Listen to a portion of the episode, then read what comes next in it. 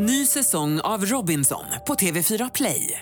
Hetta, storm, hunger. Det har hela tiden varit en kamp.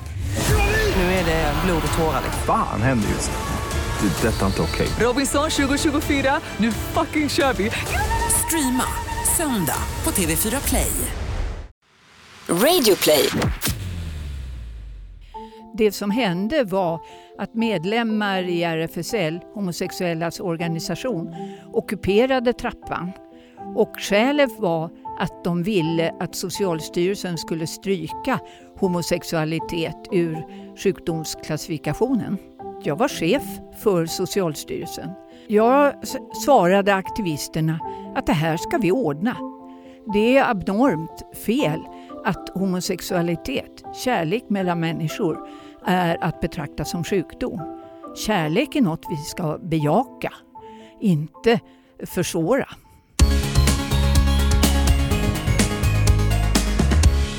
Happy Pride Tobias! Happy Pride och god morgon Anton! Och god morgon också till dig som lyssnar, du gör det på Regnbågsliv, podden där vi pratar regnbågsrelaterade ämnen. Ja, och det här är veckans sista avsnitt och för att fira att det är parad idag och ladda upp så har vi en väldigt speciell gäst med oss. Det har vi. Det är Barbro Westerholm.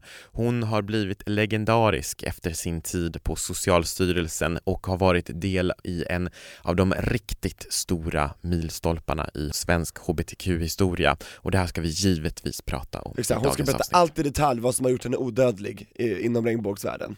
Verkligen. Innan vi gör det, hur mår du idag Tobias? Jag är så taggad alltså, det märks att det är parad i luften, folk är klädda i sina dräkter som de ska ha i paraden, det är flaggor överallt, regnbågsflaggor. På tak, bilar, bussar, bensinmackar, jag ser det överallt och jag är så lycklig. Ja, men jag med. Och vi ska säga också att det här intervjun med Barbro Westerholm har vi då spelat in några dagar tidigare, så när vi i podden refererar till paraden så är det ju självklart idag vi pratar om. Precis, bra att du sa det, för Barbro måste ju ladda upp eh, hon också, för hon ska ju fira planen på ett speciellt sätt. Men men allt det här precis. kommer att berätta i avsnittet, så jag tycker vi sätter igång med det. Det gör vi. Vill du lära dig mer om hbtq-historia, lyssna klart på hela avsnittet. Du kommer inte ångra dig. Exakt, och, och innan vi lyssnar på Barbro Westerholm så vill jag bara säga att vi har ett flak i Europride-paraden idag, så om du lyssnar på det här innan klockan ett, jättebra, gå och ställ dig någonstans i stan så att du ser oss, vi är ganska tidigt Regnbågsliv, det kommer vara massa flaggor och massa såpbubblor, vattenpistoler, det blir jättekul. Och missar du det, gå in på våra sociala medier, Regnbågsliv på Instagram och Facebook, kolla på alla bilder och filmer vi har tagit under dagen. Ja, men gör det. Ja, Nu är det bara, att sätta igång, det gör vi Tobias. här kommer Barbro Westerholm. Äntligen är hon här! Och väldigt trevligt att vara här. Ja, vi är jätteglada för det. För den som inte vet, vem är Barbro Westerholm? Enligt Barbro själv. Jag är läkare, gift med en kollega, har fyra barn, nio barnbarn, har erfarenhet av eh, forskning, administration, leda ideell organisation och eh, sitta i riksdagen bland annat. Och du kandiderar för ytterligare fyra år. Ja, I provvalet eh, för Liberalerna så kom jag väldigt högt upp på listan och eh, får man det förtroendet och vet vad man vill göra, då säger man ja. Härligt. Vad kul, och det var 30 år sedan som du eh, började i riksdagen va? För första Ja. gången? Jag började 88 Ja. Just det. och hade väl aldrig trott att jag skulle bli politiker. Jag skulle bli klinisk farmakolog. Jag är från början barnläkare, men sen klinisk farmakolog och ägna mig åt läkemedelsforskning. Det var vad jag trodde jag skulle göra. Men sen blev jag chef för Socialstyrelsen och i Socialstyrelsen möter man frågor alltifrån livets början till livets slut. Och eh, då blev jag mer och mer politiskt engagerad. För mycket av det som behövde göras kan inte en myndighet åstadkomma utan bara politiken. Och eh, då låg det nära till hands att när jag lämnade som chef för Socialstyrelsen att gå in i politiken och då var Liberalerna det parti som låg närmast det som jag ville åstadkomma. Och då hette de det. Folkpartiet va? Ja, Just det. Just det. men det handlar ju om då människors frihet att få leva sina liv som de själva vill så länge man inte inkräktar på någon annans frihet. Och då kommer vi in på diskrimineringsfrågor av olika slag, ja allt möjligt. Och du klev ju på som generaldirektör för Socialstyrelsen år 1979. Ja, Det var ju också ett väldigt, väldigt speciellt år för hela hbtq-rörelsen. Det har ju blivit ett historiskt år och en av de här riktigt stora milstolparna. Kan du berätta hur situationen var för hbtq-personer när du klev på? När jag klev på så visste jag väldigt lite. Jag visste att eh, två män som drev en tavelramsaffär i närheten där vi bodde, att de levde ihop. Och eh, eh, där hade min pappa förklarat att ja, de älskar varandra precis på samma sätt som jag älskar din mamma. Så det var liksom inget märkvärdigt med det. Och så hade jag väl följt lite grann i medierna om Gustav, kung Gustav Vs eh, då, eh, relation till en man.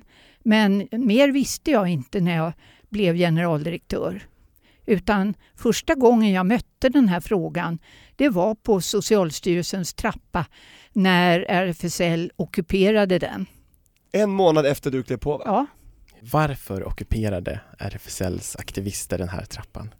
Det var därför att de hade, och det visste inte jag om, men i fem års tid försökt förmå Socialstyrelsen att stryka homosexualitet i listan över sjukdomar under då kapitlet psykisk ohälsa.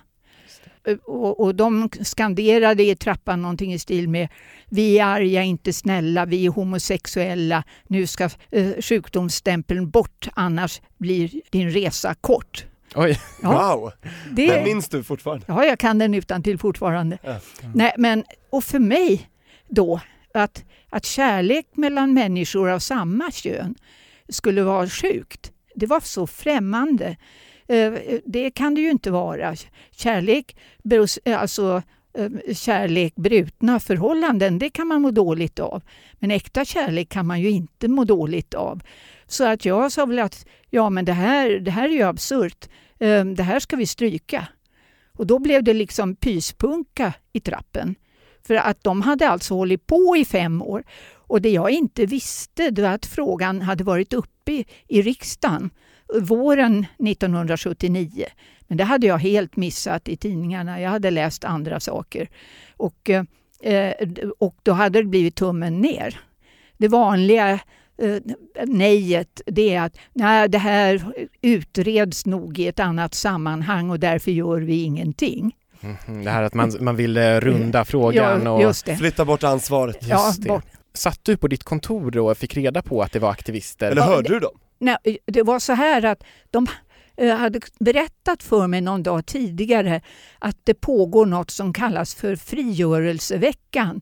Eh, och det är homosexuellas organisation eh, som då har olika aktiviteter under den här veckan men ingen berättade vad. Och sedan så när jag är på mitt rum jag tror det var en torsdag, så kommer det in ett par skrämda medarbetare och berättar att nu är Socialstyrelsens trappa ockuperad. Ska vi ringa efter polis? Nej, tyckte jag, det är väl bättre att gå ut och höra vad de vill. De ringde ändå efter polis och det, det förlät jag dem inte. För jag Nej. gillade inte den insatsen, men den var väl välment. Men så gick jag ju då ut på trappen och fick veta det här och, och, och sa att ja, men det här ska vi ordna. Och eh, de trodde mig inte så sen bestämde vi att vi skulle ha regelbundna möten. Jag tror det var var fjortonde dag fram det här, till det här var, var ordnat. Och på mindre än två månader så var vi i mål. Det ströks. Men under den tiden, ja, när jag berättade för eh, lednings... Eh, eh, de som satt i Socialstyrelsens ledning så måste jag säga att eh, de såg ju ut som skrynkliga russin i ansiktet. Därför att- det här? Därför att det här hade man ju sagt nej till och så här kan man inte göra. Men jag visste att man kunde göra så. Därför jag hade arbetat med en annan del av den här klassifikationen, läkemedelsdelen, och visste att Socialstyrelsen ägde att själv besluta om vad det skulle stå i den där. Och eh, jag tyckte alltså att det var helt fel att homosexualitet eh, ansågs vara sjukdom. Och inom två månader så var det här ordnat. Och eh, jag fick med mig vetenskapligt råd i psykiatri som också tyckte att det här var en förlegad felsyn på eh, en kärleksrelation mellan människor. Så att eh, det, och det, det, blev lite skrivet om det men det var inga jättereaktioner förrän hiv-aids dök upp två år senare. Och då med en högre förekomst bland eh, homosexuella män och också narkomaner. Och då ryckte folk ut och sa att det här var ju Herrens straff och det var ju straffet för att vi hade strukit sjukdomsbegreppet. Och eh, det blev en ganska otrevlig situation. Blev du kritiserad? Ja, då blev jag kritiserad. Men inte eh, direkt när då 79 utan det flöt relativt stillsamt förbi det här beslutet. Och det satt en homosexutredning eh, som utredde andra frågor för homosexuella, andra frihetsfrågor. Så hur var det då när, när aids bröt ut och du fick den här kritiken, hur reagerade du då? Det, det första var ju att inte stigmatisera homosexuella för att eh, man löpte risk att bli hiv-smittad utan det viktiga var att försöka förebygga att smittan spred sig bland homosexuella personer och samtidigt då föra fram att, eh, att vi bejakar den här kärleken. Vi, vi vill inte stämpla den på något sätt men det blev, en, det blev några år som var väldigt, väldigt jobbiga därför att kritiken riktade sig då mot homosexuella personer mer faktiskt än mot narkomaner. Och sedan så var det ju skräcken för HIV. Ja, och det här har ju porträtterats väldigt fint av eh, många, bland annat Jonas Gardell och ja. Torka aldrig tårar. Ja. Har du sett den? Ja, och det, jag menar, det är precis så som det var. Eh, efter det att jag lämnade Socialstyrelsen 85 så blev jag ordförande för Läkare mot aids. Och eh, då mötte jag ju många som sen avled. Och eh, Läkare mot aids arbetar ju oerhört hårt för att hjälpa de som hade smittats men också få bort stigmat på, på homosexuella personer. För det kan nästan vara svårare att, att bota än själva smittan i sig kanske, att den sitter kvar. Mm, tänker du på stigmatiseringen? Ja, stigmatiseringen ja, ja. Att det är ett värre virus ute, alltså nästan. Ja, att det är mm. så många som fortfarande förknippar Ja, fördomar är oerhört ja. svåra att bekämpa. Alltså, du kan stifta lagar, men, men det räcker som regel inte. Utan, utan man måste jobba bort fördomarna. Mm. Ja, men jag har ju sett det när vi har fått partnerskapslag och, och möjlighet till äktenskap mellan homosexuella personer. Men fördomar finns kvar om man skrapar lite på ytan. Ja, Pratade man mycket i riksdagen om hbtq-frågor när du eh, började arbeta politiskt? Ja, därför att då hade ju Socialstyrelsen, för Socialstyrelsen insåg ju i och med då 79 att vi måste göra mer för att få bort homofobin. Och ett arbete var ju att eh, utveckla en svensk lag liknande den danska om partnerskap. Och Eh, och det här kom till Socialdemokraterna 1990 tror jag det var och, och och frågan blev aktuell in, inför 1991 års val. Och det här är den typ av frågor som eh, politiska partier vill undvika att ha som stora frågor i val. Så då lägger man en sån fråga i en utredning. Och jag fick alltså ansvaret för att utreda om vi skulle ha partnerskap för homosexuella personer eller inte i Sverige. Och det var en mycket, mycket speciell utredning. Därför att eh, då var det borgerlig regering och eh, Moderater, Centerparti och KD ville inte införa det. Inte heller Ny Demokrati som då gjorde eh, eh, en mandatperiod i riksdagen. För vad Liberalerna, och vi var inte eniga i det liberala partiet, Socialdemokrater och Vänsterparti. Så att jag hade utslagsröst i den här utredningen. När vi skulle då justera, alltså sätta ner foten på det betänkande vi skulle lämna till regeringen så plötsligt var vänsterpartisten inte närvarande vid sammanträdet, hade gått till fel lokal. Och då Oj. säger moderaten, jaha, nu har vi majoritet. Nu får vi vända på betänkandet och säga nej till partnerskap. Och då jag tror inte Margareta Winberg har något emot att jag nämner henne i podden. Då började hon att diskutera varenda formulering i, i, i sammanfattning och betänkande i förhoppning om att vänsterpartisten skulle hitta rätt. För att dra ut på tiden ja. Ja, och det gjorde hon. Så småningom kom hon till rätt ställe. Yes. Då hade vi ju inte mobiler. Hade vi haft mobiler och även om hon hade haft den avslagen så hade vi ju kunnat smsa att här är vi. Men det kunde vi inte då. Ny säsong av Robinson på TV4 Play. Hetta, storm, hunger. Det har hela tiden varit en kamp. Nu är det blod och tårar. Fan händer just nu. Det. är Detta är inte okej. Robinson 2024, nu fucking kör vi! Streama söndag på TV4 Play. Ett poddtips från Podplay. I fallen jag aldrig glömmer djupdyker Hasse Aro i arbetet bakom några av Sveriges mest uppseendeväckande brottsutredningar. Går vi in med hemlig telefonavlyssning och, och då upplever vi att vi får en total förändring av hans beteende. Vad är det som händer nu? Vem är det som läcker? Och så säger han att jag är kriminell, jag har varit kriminell i hela mitt liv men att mörda ett barn, där går min gräns. Nya säsongen av Fallen jag aldrig glömmer på Podplay. Det, Vilket drama det ja, blev. det var ett drama. Och vilket år sa du att det här var? Det här 90. var 93. Just det, Mm. 93. Och Mar- Margareta Winberg kan vi säga för den som inte vet, en socialdemokratisk tidigare politiker. Ja. Men vad, vad, vilket lagarbete alltså, vad Oj. häftigt att höra. Det, det var ett lagarbete, eh, Liberalerna, Socialdemokraterna och Vänstern. Miljöpartiet satt inte i riksdagen. De var inte med i den, den utredningen. Mm. Och det var ett lagarbete också i kammaren när vi skulle rösta om det här förslaget. Därför att då var det vad vi säger kvittningsförbud, vilket innebär att alla måste vara närvarande. Är det så att någon behöver vara borta vid en votering så kvittar man ut den så att säga mot en i motståndarlagret så att en ja-röst och en nej-röst försvinner. Men det går inte när det är en splittring i partierna. Oh.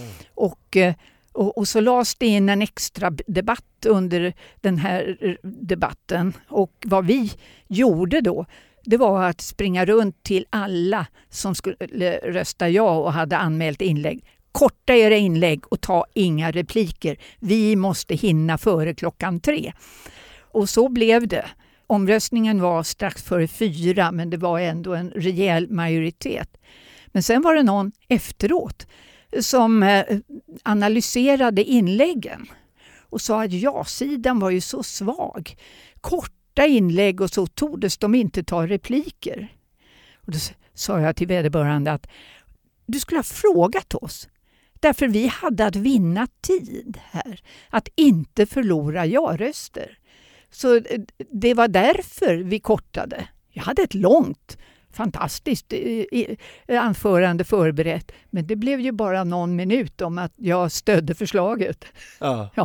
Just Tänk vad mycket man inte vet om Ja. bakom kulisserna, jättespännande. Verkligen. Och jag tycker det är så häftigt att höra dig prata kring de här historiska, eh, historiska tidpunkterna som ju har, som, de här milstolparna som ju för många kanske bara har sett eh, när de kollar på en tidslinje över hbtq-rättigheter. Mm. Men att liksom få en bild över kampen. För väldigt många idag tar ju faktiskt våra rättigheter för eh, så, givna.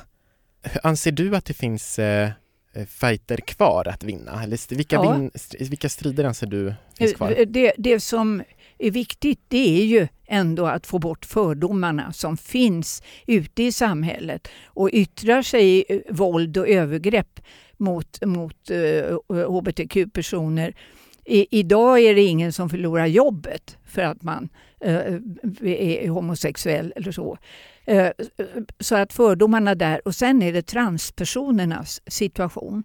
Den, för det uppmärksammade vi dåligt. Ja, vi- tänkte inte på att transsexualitet var också sjukdomsstämplat 1979. Och det, det var inte heller något som RFSL, sex, eh, homosexuellas eh, organisation, uppmärksammade. Så det har ju kommit mycket, mycket senare. Och nu är det också mm, könsbytesfrågan. Och, eh, eh, och att, att lösa unga människors situation när de känner att de är födda i fel kropp.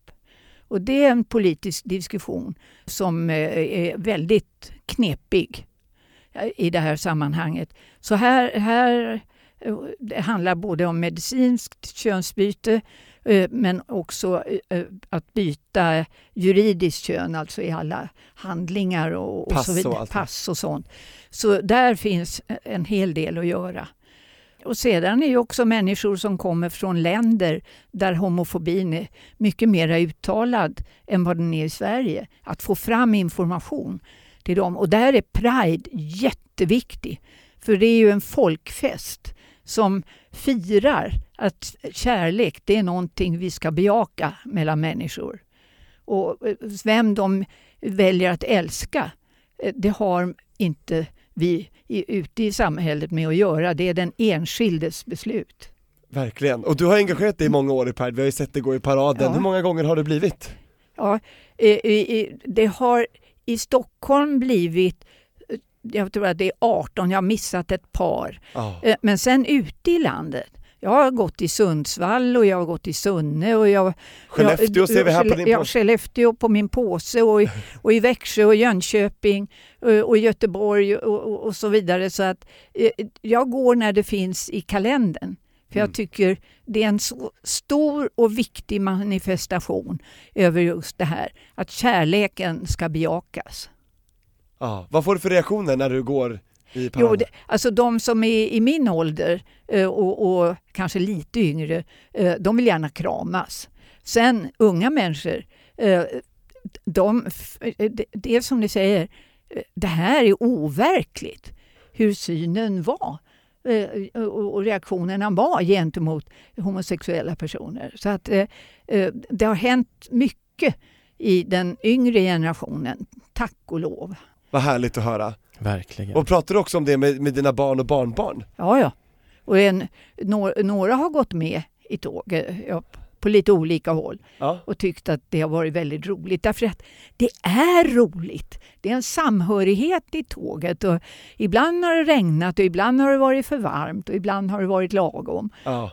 Så att, eh, det, det, är något alldeles speciellt och den musik som är och, och, och, människor alla kategorier. För här har vi häftigt då, då sminkade och, och, klädda personer och sen så har vi då eh, föräldrar till hbtq-personer och, mm. och, och vi har farföräldrar. Ja, farföräldrar och så har vi alla de som på olika sätt har bildat familj och har barn som mm. går där med barnvagnar. Och vi har poliser och vi har sjuksköterskor och läkare. Och, och, och det här imponerar också på eh, då utländska besökare.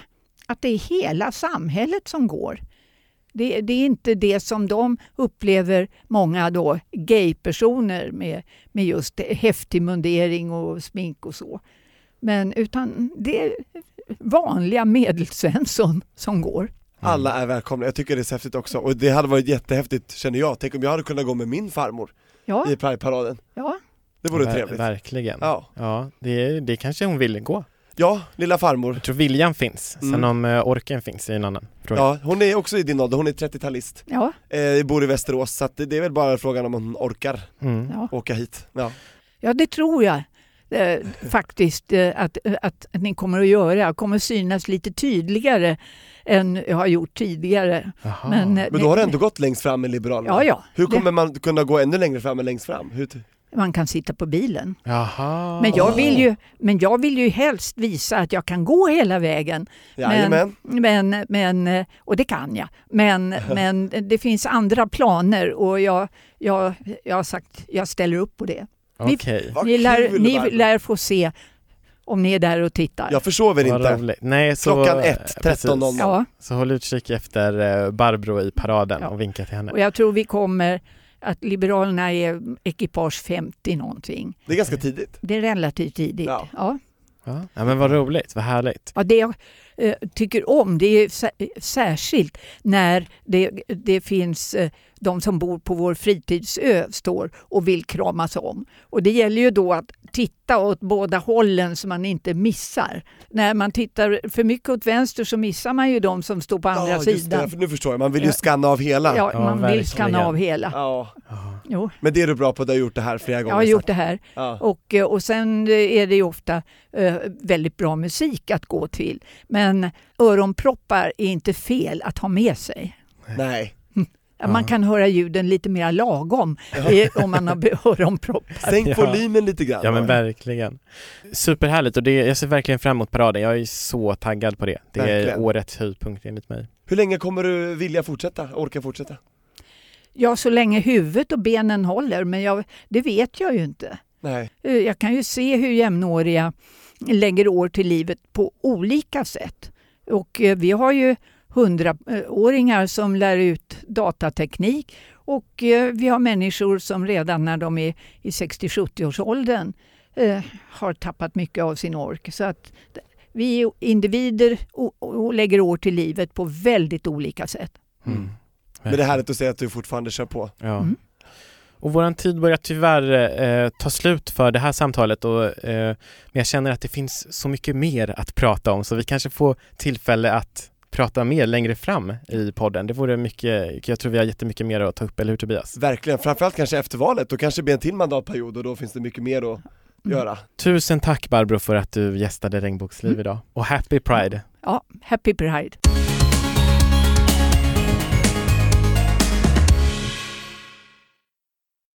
Ny säsong av Robinson på TV4 Play. Hetta, storm, hunger. Det har hela tiden varit en kamp. Nu är det blod och tårar. liksom. Fan händer just det. Det är detta inte okej. Robinson 2024, nu fucking kör vi! Streama söndag på TV4 Play.